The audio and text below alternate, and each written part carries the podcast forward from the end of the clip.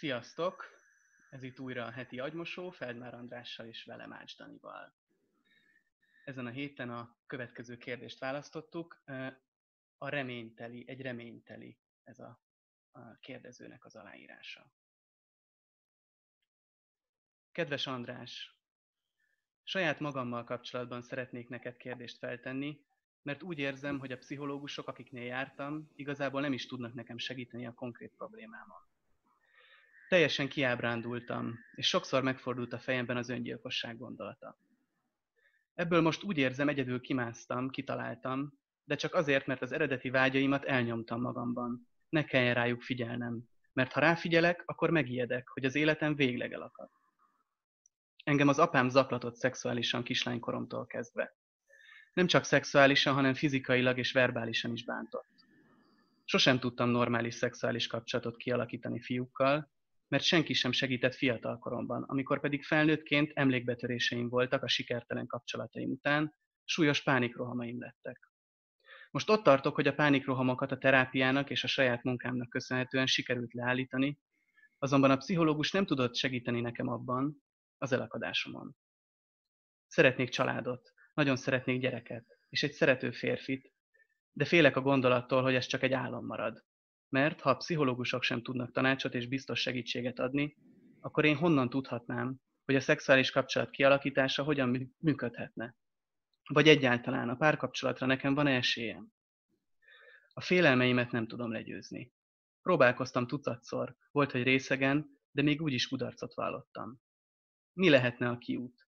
Mi segíthetne a belső félelmeim elengedésében, hogy a vágyaim és a valódi érzéseim végre összeférjenek egymással?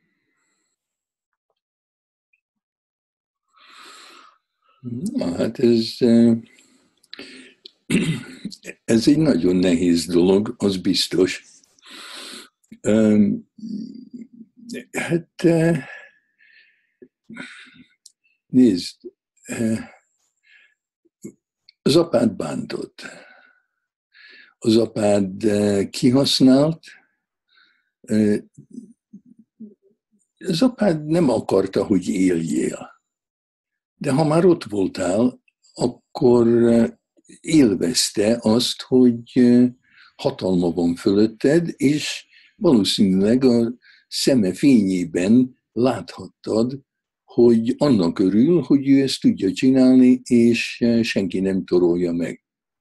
Hogy büntetlenül bánthat téged.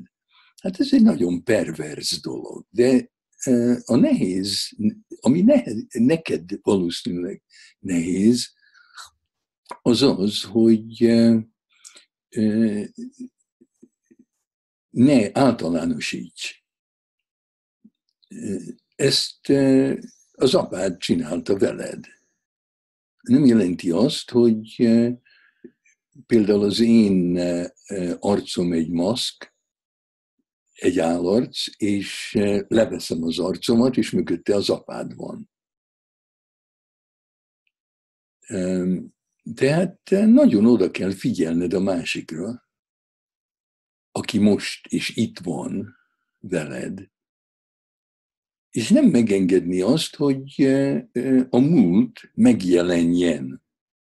Tehát tulajdonképpen az apád megjelenik közted és a szeretőd között.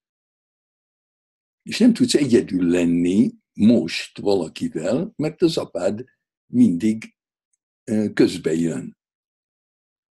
De hát most már ezt te csinálod. remélhetőleg az apád már meghalt, de nem az emlékeid.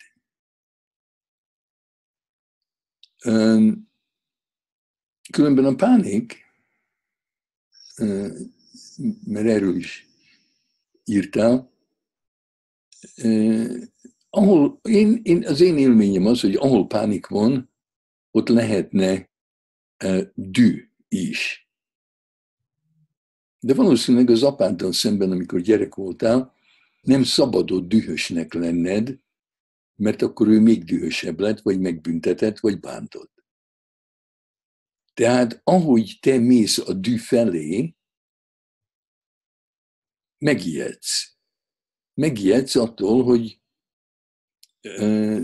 ha fölrobbansz, ha kirobban belőled a dű, akkor valaki megbüntet. Nem szabad. És a pánik az elfogadhatóbb, mint a dű. Tehát az egyik dolog, amit tehetnél, az, hogy ha pánikot érzel, akkor kérdezd meg magadtól, hogy mi dühített fel, és engedd meg magadnak, hogy kifejezd a dühödet. Na most a szeretkezésben olyan partnert kell keresned, aki gyengéd,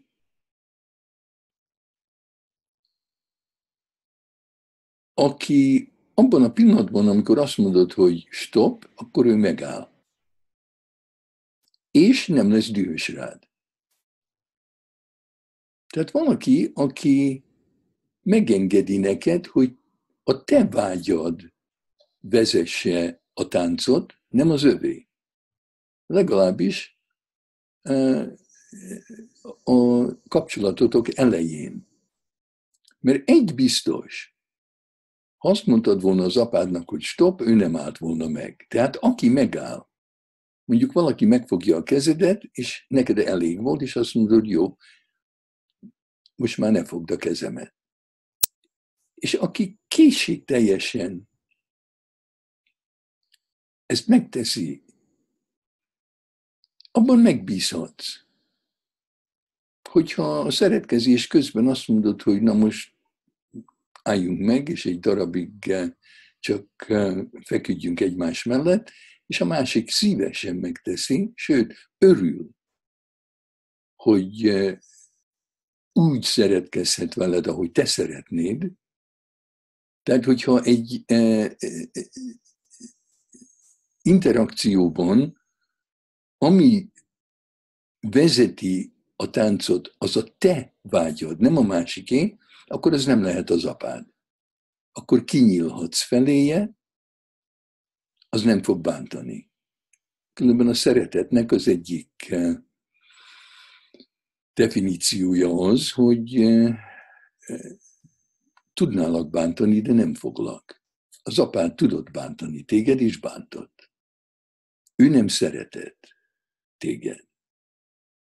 Tehát eh, két dologra kell figyelned. Az egyik az, hogy csak azt csináld, amire te vágyol, abszolút ne is érdekeljen a másiknak a vágya, nem azért születtél meg, hogy kielégíts egy férfit.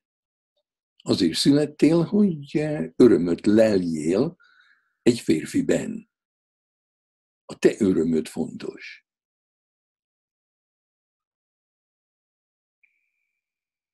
Tehát eh, ha találsz valakit, aki szeret, az biztos nem az apád. Na hát ennyit. Én remélem, hogy a reményteli most még egy kis reményt kapott. Nézzünk még egy kérdést.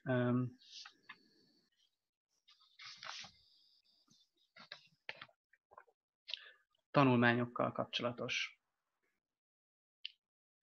Kedves András, nagy dilemmában vagyok, krízisben van az életem, úgy érzem.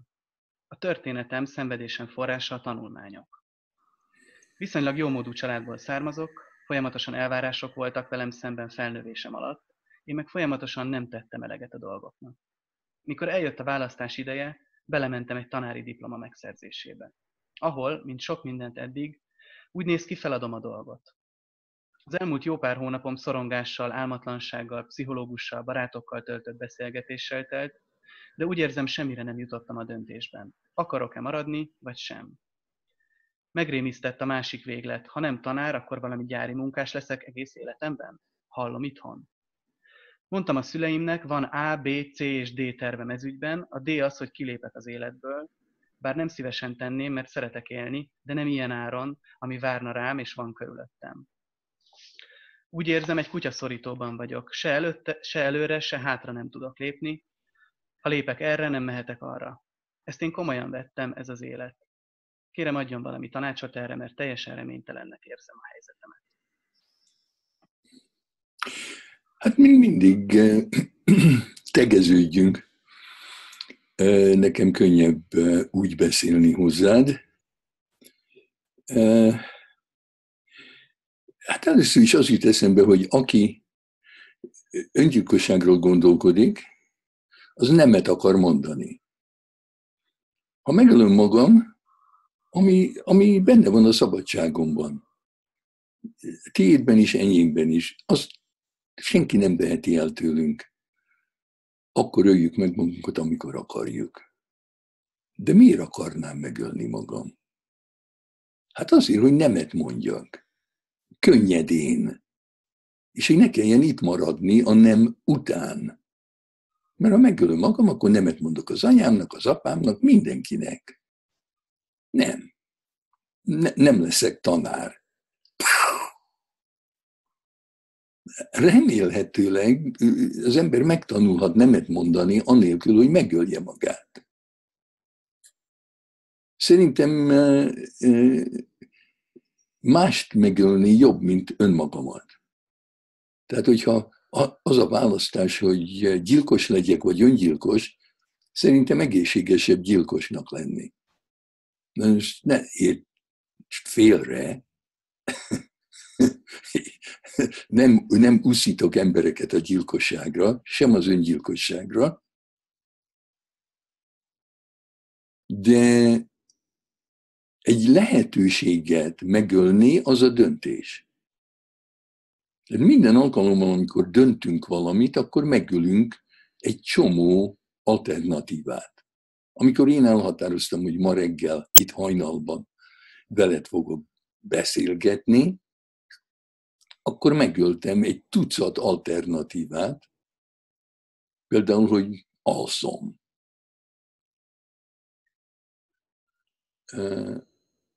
Kutyaszorító. Hát ne, te hogy vagy te egy kutyaszorítóban. Te egy szabad ember vagy, azt csinálsz, amit akarsz. Úgy tűnik, hogy még mindig túl sok súlyt helyezel a, a, a szüleidnek a véleményére, vagy más embereknek a véleményére. Kit érdekel az, hogy te mit fogsz csinálni? Senkit. Abszolút senkit. A te élményed senki más élménye. Az anyád nem tudja, hogy te mit élsz át, az apád nem tudja, mit élsz át, a szeretőd se, a barátod se, senki nem tudja, hogy mi a te tapasztalatod és a te élményed. Csak te tudod. hát akkor az a te feladatod, hogy eh, fordíts hátat mindenkinek, főleg azoknak, akiknek elvárásai vannak feléd, kinek van joga arra, hogy elvárása legyen feléd. Te egy szabad ember vagy, azt csinálsz, amit akarsz, a barátaitól, attól, aki azt mondja, hogy szeret téged, azt várhatod el, hogy támogassanak téged abban, amit te akarsz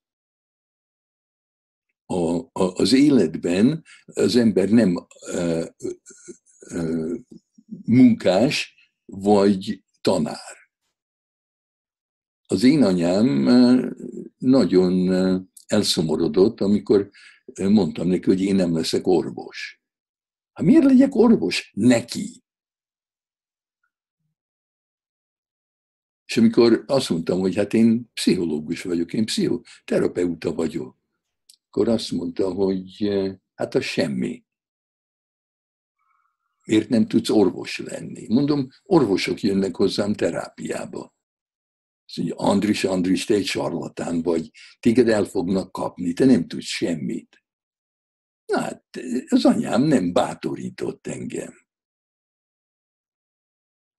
Tehát nem azért születtem, hogy orvos legyek, neki Szerintem egy millió dolgot csinálhatnál egy millió emberrel. És amikor az ember dolgozik, akkor élvezheti a munkáját, és élvezheti a társaságot, akivel csinálja a munkáját. Amikor én rátaláltam arra, hogy talán pszichoterapeuta leszek, én ezt nem tudtam előre, valami 20, 25 mindenfélét megpróbáltam, amiben belementem, és amikor éreztem, hogy ez nekem nem jó, akkor kiléptem. Belementem, kiléptem, belementem, kiléptem. Nem lehet absztrakt elhatározni semmit. Csak az ember a tapasztalatából indulhat ki. De hát abban semmi baj nincs, hogy nem fejezel be valamit. Miért fejeznék be valamit, amit utálok? Hát ha utál, hogyha tényleg utálod a, a, a, a, a tanárképzőt, hát akkor miért maradnál ott? Ez olyan, mint egy jegyet veszek egy filmhez, és utálom a filmet, de végignézem, mert fizettem érte. Hát nem, nem kell az embernek hülyének lenni. Hát sok szerencsét, és próbálkozzál, minél messzebb a családodtól, annál jobb. Hát nekem is jól esett hallanom a, a bátorító szavaidat, András. Valahogy mind a két, két kérdés a remény, reményről, vagy a reménytelenségről szólt. Úgyhogy köszönöm szépen. Jó, hát akkor következő héten találkozunk. Rendben. Szia! Szia!